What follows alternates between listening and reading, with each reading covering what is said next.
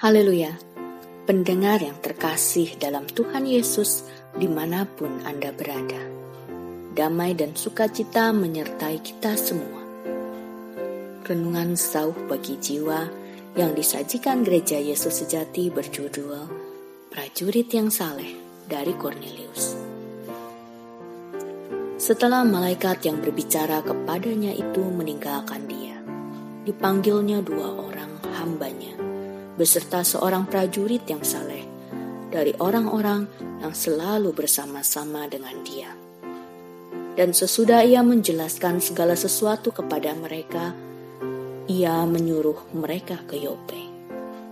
Kisah para Rasul 10 ayat 7 sampai 8. Cornelius adalah perwira pasukan Romawi dari pasukan Italia.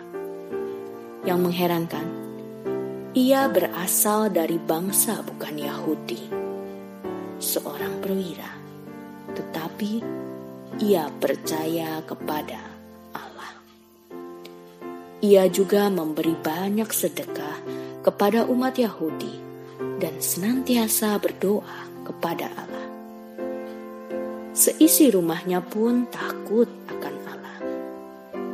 Yang lebih hebat lagi, bukan saja kesalehannya kepada Allah mempengaruhi seisi keluarganya, tetapi juga mengharukan seorang prajurit yang selalu melayaninya, sehingga prajurit ini menjadi seorang prajurit yang saleh.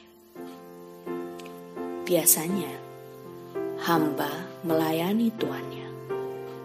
Prajurit tunduk pada perintah atasan dan mereka patuh karena wibawa dan kekuasaan tuan dan atasan. Tetapi jarang sekali mereka menjadi percaya kepada Allah yang disembah oleh tuan atau atasannya. Hal ini tentu terjadi karena mereka kagum pada perkataan dan perbuatan tuan atau atasannya.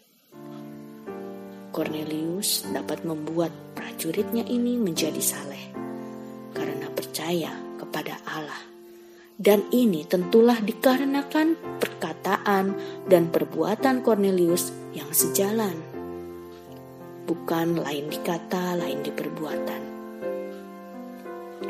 Suatu hari, ketika Cornelius mendapat petunjuk dari malaikat melalui suatu penglihatan, ia harus mengirim utusan untuk menemui Petrus. Ia tidak sembarangan mengirim dua atau tiga pesuruh, melainkan dua orang hambanya beserta seorang prajurit yang saleh dari orang-orang yang selalu bersama-sama dengan dia. Hal ini menunjukkan bahwa Cornelius sangat serius melakukan pesan malaikat. Sampai-sampai prajurit yang diutus pun adalah prajurit yang saleh. Ini selaras dengan sikap salehnya dalam beribadah kepada Allah yang sangat dihargai oleh orang banyak.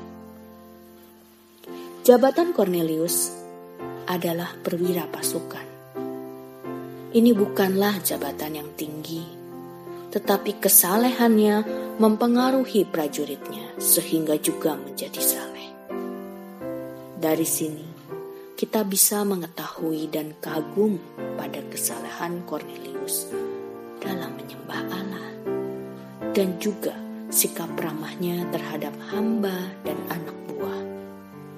Bila tidak demikian, bagaimana mungkin seorang prajurit kecil di bawah pimpinannya terpanggil ikut beribadah kepada Allah. Tuhan Yesus mengajarkan kita agar menjadi garam dan terang dunia. Dia berpesan kepada kita, "Demikianlah hendaknya terangmu bercahaya di depan orang, supaya mereka melihat perbuatanmu yang baik dan memuliakan Bapamu yang di surga."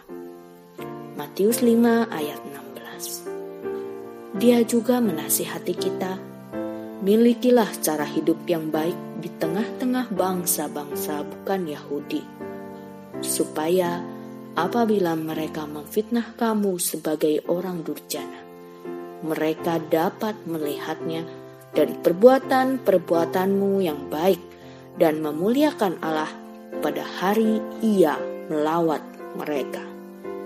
1 Petrus 2 ayat 12 Kiranya hidup kita juga bisa menjadi sebaik Cornelius. Bukan saja diri kita sendiri menjadi saleh, tetapi juga mempengaruhi orang lain di sekitar kita, sehingga menjadi percaya kepada Allah. Tuhan Yesus menyertai kita semua. Amin.